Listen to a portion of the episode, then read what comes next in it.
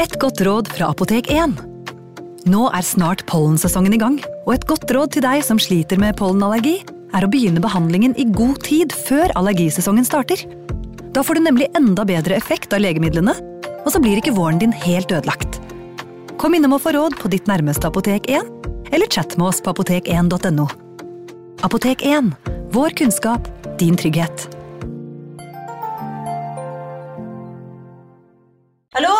Jeg kommer fra Oslo politikammer. Ine Jansen er purk. Er du purk? The motherfucking bitch. Alt jeg vil, er å finne ut hva som skjedde med mannen min. Jon Carew. Er jeg sikta for noe? Iben Akeli. Det er du. Ole So, Lars Berrum og Big Daddy Karsten. Hvem sin side er du på, egentlig? Anette Hoff, Tone Danielsen, Kommer du fra Afrika? Jørnis Josef, Nesten kløfta. Trond Espen Seim, Det er synd å si det, men det var feil mann som døde. Purk. Premiere tirsdag på TV2 Play. Ungsamtalen fra DNB er økonomisk veiledning tilpasset deg som er ung. Bokk en ungsamtale på dnb.no. slash ung. Det er kjempebra hvis du skal inn på boligmarkedet, hvis det er drømmen din, liksom. Det er det du skulle sagt. Og så kunne du ropt litt mer, da, sånn som jeg gjorde. Bam! Advarsel. Historiene vi forteller i denne podkasten kan være fiktive og avvike fra den opprinnelige historien av dramaturgiske årsaker. Meninger og påstander i historiene reflekterer nødvendigvis ikke programledernes meninger eller virkeligheten.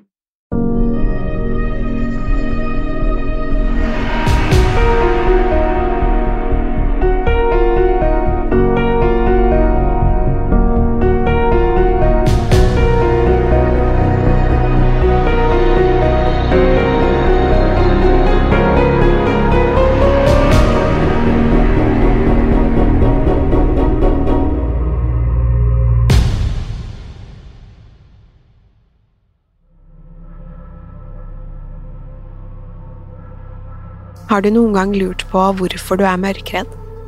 Vi har vel alle ligget i sengen med dynen tråkket godt over ansiktet. Du kjenner vel også den følelsen? Du ligger der i mørket med åpne øyne, men du tør ikke fjerne dynen. Du er livredd for å finne ut hva som faktisk skjuler seg i mørket. Det føles nesten som du er et lite barn igjen. Du holder pusten mens du prøver å fortelle deg selv at det kommer til å forsvinne, hvis du bare ikke ser.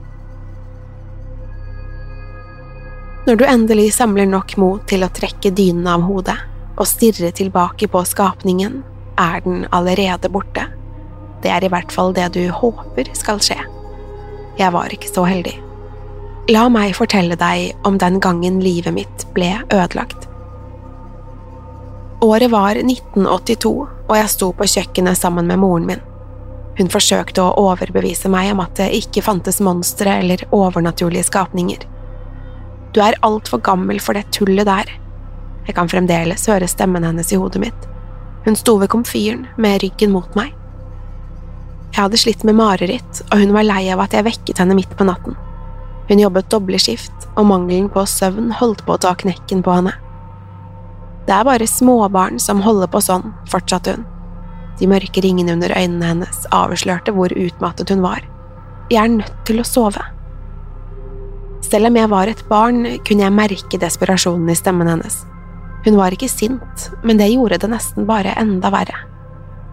Bestefar satt også ved kjøkkenbordet. Han tok noen slurker av kaffekoppen, men var mer opptatt av sigaretten han holdt i den andre hånden.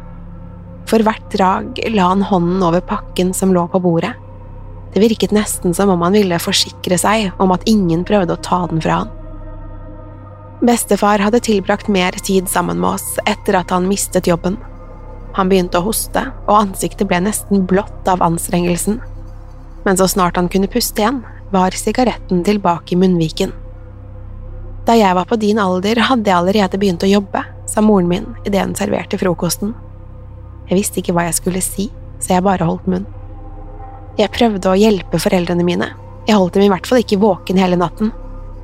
Han vet det, sa bestefar. Jeg følte meg allerede som kilden til alle våre problemer. Hvis det ikke hadde vært for meg, hadde ikke moren min trengt å jobbe så mye. Jeg var den største utgiftsposten, og nå var jeg i ferd med å drive henne til vanvidd. Hun holdt på å jobbe seg i hjel, og det hjalp ikke at jeg holdt henne våken om nettene. Jeg følte en dyp skam og klarte ikke møte blikket hennes. Bestefar la merke til at jeg stirret ned i gulvet og prøvde å muntre meg opp. Johannes er bare litt opprørt, men det går snart over, ikke sant? Jeg vet ikke om han egentlig mente det, men han smilte i hvert fall da han sa det. Jeg nikket og ga fra meg et forsiktig ja. Innerst inne visste jeg at det var en løgn. Moren min var nok heller ikke overbevist, men hun sa ikke noe mer. Hun la to egg på tallerkenen min, men jeg rørte dem ikke. Jeg satt der og pirket i maten med gaffelen, men jeg hadde mistet appetitten. Jeg følte at moren min stirret på meg, og begynte til slutt å spise bare for å glede henne. Vi tok det alltid rolig på søndager, og dette var ikke noe unntak. Bestefar bladde i gamle ukeblader, og det så ut som han var i ferd med å sovne. Moren min tok en lang dusj, for hun la seg for å sove litt. Jeg gikk ut mens moren min slappet av. Solen skinte, så jeg bestemte meg for å leke i hagen vår. Under et stort tre sto det et gammelt skur. Det var aldri låst, men det var heller ikke så mye spennende der inne. Likevel bestemte jeg meg for å utforske det. Jeg åpnet døren og gikk inn i skuret. Det luktet rust, motorolje og gammelt treverk, og alt var dekket av et tykt lag med støv. Det var ikke så mye å leke med for en ung gutt, men det var bedre enn ingenting. Jeg fant en fil og begynte å dra den over mutterne på en skrustikke. Etter hvert kunne jeg se blankt stål, og jeg ble kanskje litt overivrig, for plutselig skrapte jeg knokene mot noe skarpt. Det var ikke et stygt sår, men blodet begynte snart å piple frem. Jeg presset leppene mot såret og kjente den metalliske smaken av blod. Det sved, men jeg ble snart distrahert av noe annet.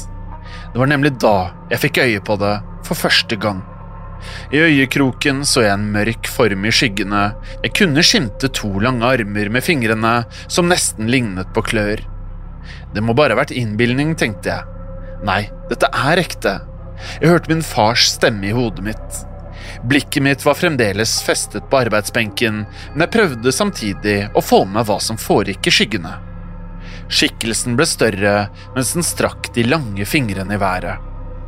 Jeg fikk ikke puste og slapp filen ned på gulvet. Hjertet mitt hoppet over et slag før det begynte å slå fortere. Det føltes nesten som det holdt på å skyte ut av brystet. Jeg hadde lyst til å løpe ut av skuret, men nå var skyggen rett ved siden av meg. De lange armene kom til å gripe tak i meg så snart jeg beveget meg mot døren. Skapningen kom stadig nærmere. Jeg prøvde å ikke se på den mens jeg sakte beveget meg inn i lyset fra vinduet. Jeg håpet at den ville forsvinne hvis jeg bare ignorerte den. Det er vel det samme du forteller deg selv når du gjemmer deg under dynen din? Sakte, men sikkert beveget skikkelsen seg nærmere døren. Jeg latet fremdeles som at jeg ikke hadde sett den, og tok nok et steg inn i lyset. Det varme sollyset traff nakken min, og alt rundt meg ble mørkere.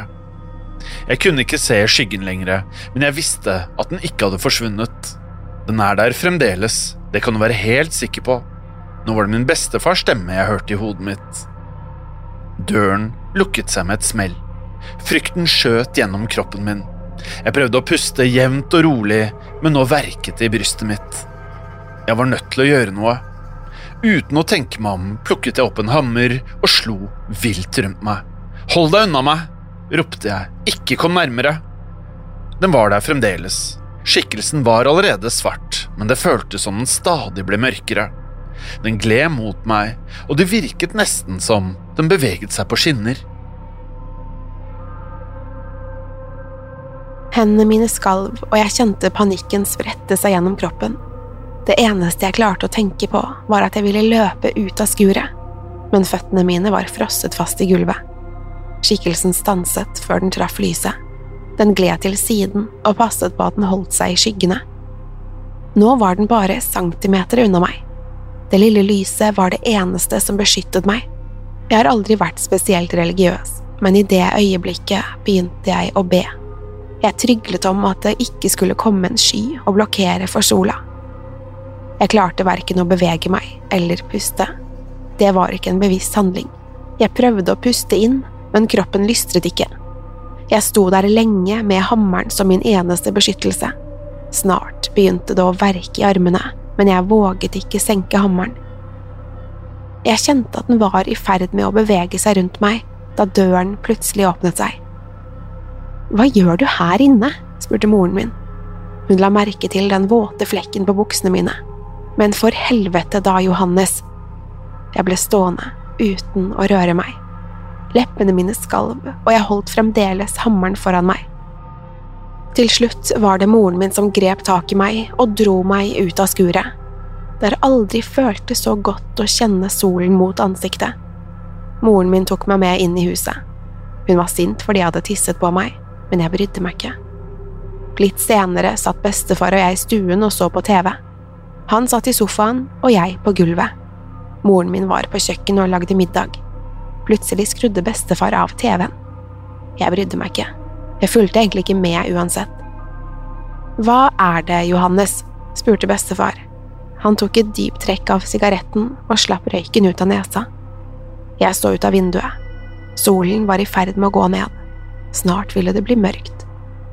Ikke noe, sa jeg. Det ser ut som du tenker på noe, sa bestefar.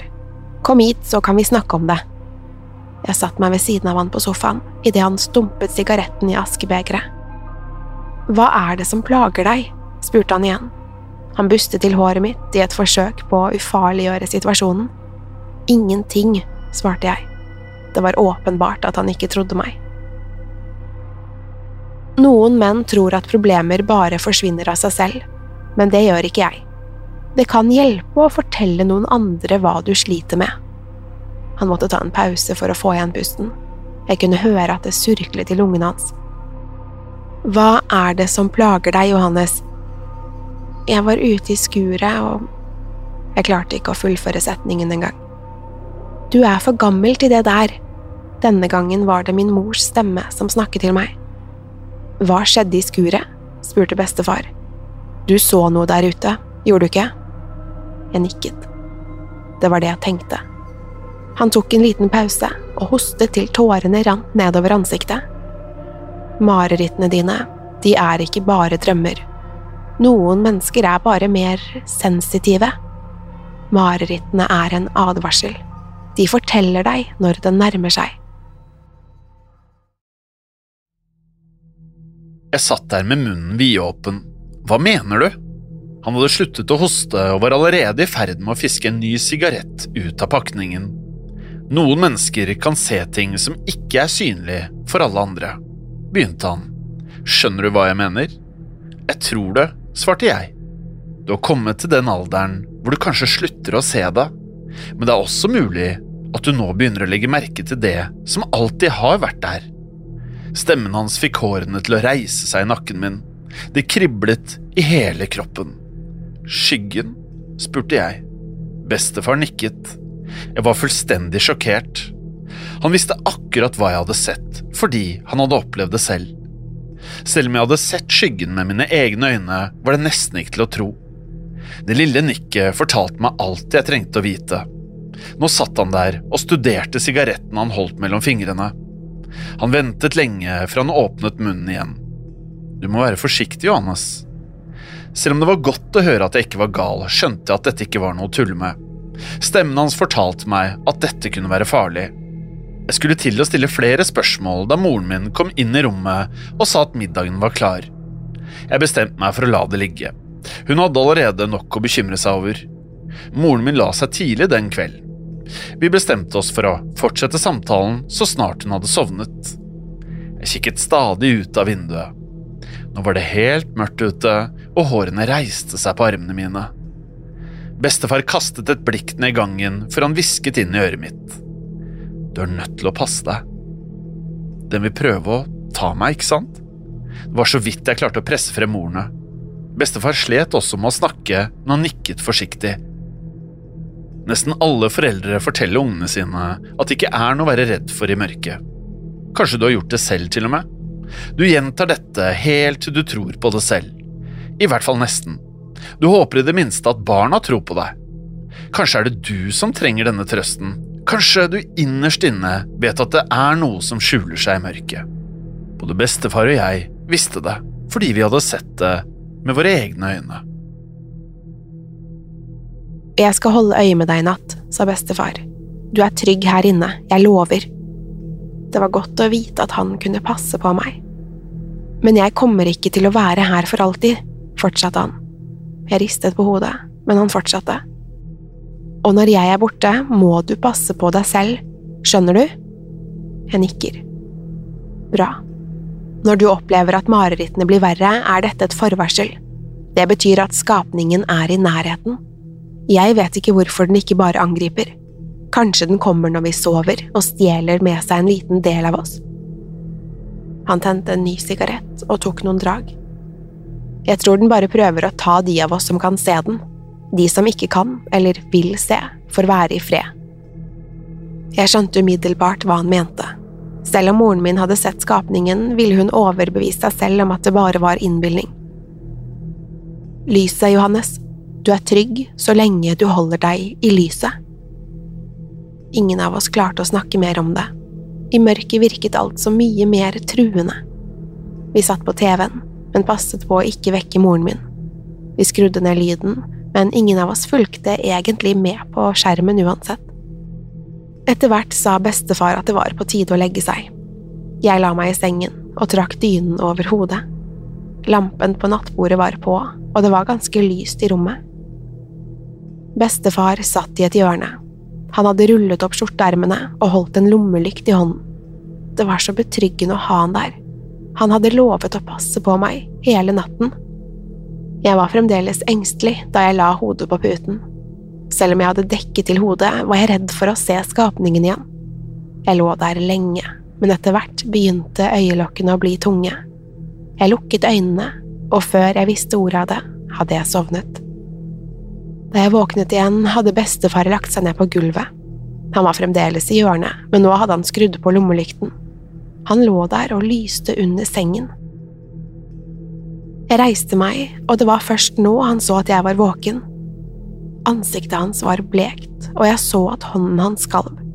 Jeg kunne høre at batteriene i lommelykten ristet. Hold deg i sengen, sa han. Hva, hvorfor det?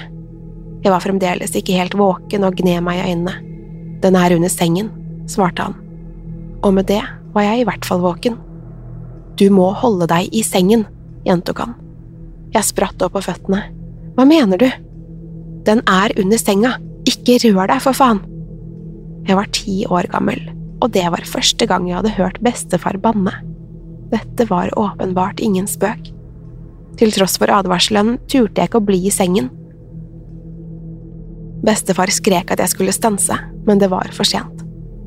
Jeg løp et par steg før jeg tok sats og hoppet så langt jeg kunne.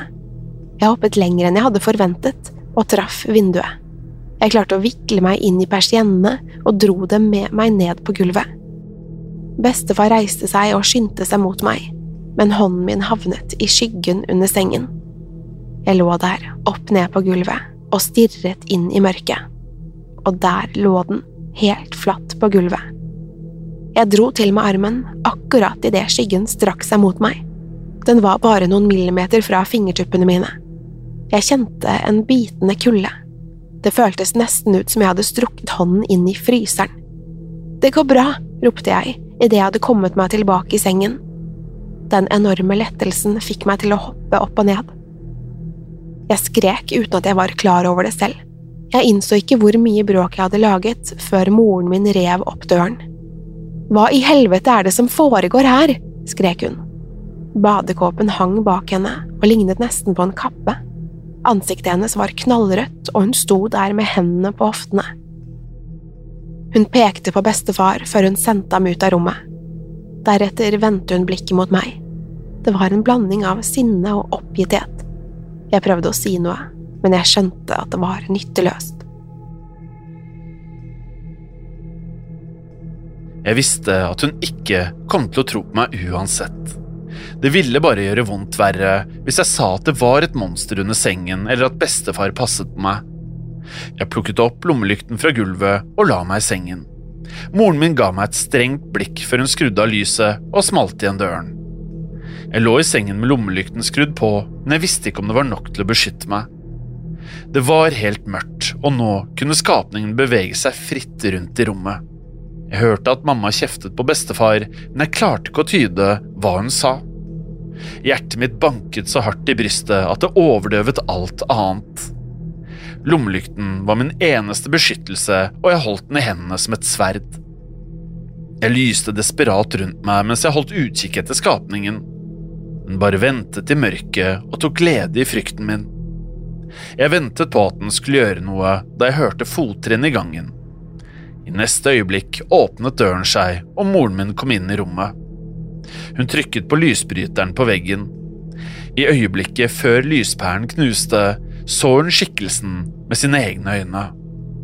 Hun sto der med både munn og øyne vidåpne. Så ble det mørkt, og jeg kunne høre henne ta et dypt åndedrag. Hun skulle til å skrike, men det kom aldri noen lyd. Hun var allerede borte. Jeg begynte å rope og løp ned gangen mot lyset på kjøkkenet. Jeg skled på gulvet og krasjet inn i skapene. Lommelykten fortsatte bortover gulvet. Blikket til bestefar fortalte meg at skapningen hadde vært like bak meg. Vi ble værende på kjøkkenet helt til solen sto opp igjen. Etter å ha skrudd på alle lysene i huset, begynte vi å lete etter moren min. Men vi fant henne aldri. De fleste trodde at hun hadde stukket av, akkurat som faren min. De tenkte vel at hun fikk nok av doble skift og alt maset fra bestefar og meg. Folk kunne tro akkurat hva de ville. Vi visste iallfall hva som hadde skjedd med henne. Alt dette skjedde i 1982. Det føles nå som en evighet siden. Bestefar og jeg prøvde så godt vi kunne, men det var vanskelig uten moren min. Da bestefar døde, fikk jeg hjelp utenfra, men jeg endte likevel opp med å selge huset da jeg fylte 18. Jeg tok ulike strøjobber, men det var aldri nok til å betale alle regningene. Nå har jeg et eget skap på kjøkkenet som er fullt av lyspærer av alle slag, og alle lampene er koblet opp til samme bryter. Det er den eneste måten jeg føler meg trygg. Når marerittene kommer, har jeg lysene på hele natten. Jeg har flere lommelykter og lyskastere ved sengen, bare for sikkerhets skyld. Hvert eneste rom har flere lamper enn nødvendig, i tilfelle en av pærene skulle gå. Og jeg har selvfølgelig installert nye ledninger og sikringsskap. Du er ikke den eneste som får den grusomme følelsen av at noen stirrer på deg fra mørket. Når du trekker dynen over hodet fordi du er sikker på at det er noen i rommet. Vel, kanskje du ikke er alene. Kanskje det faktisk er noen der ute som bare venter på at du skal skru av lyset. Jeg vet hva som lever i mørket, og tro meg, det er en grunn til at du er redd.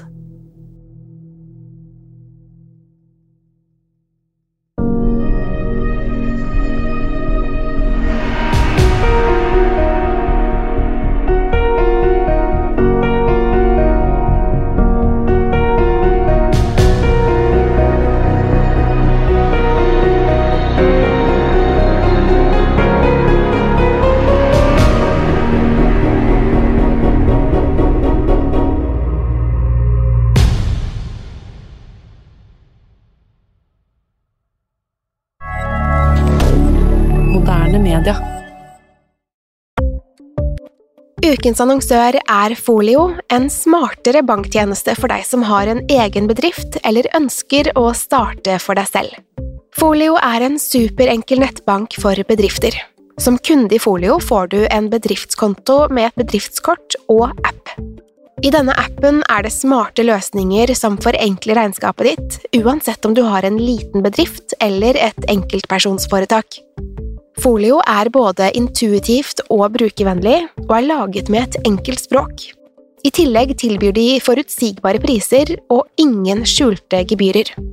Skulle du likevel trenge det, så kan du snakke med deres raske og hyggelige kundeservice, og der får du prate med en faktisk person og ikke en chatbot.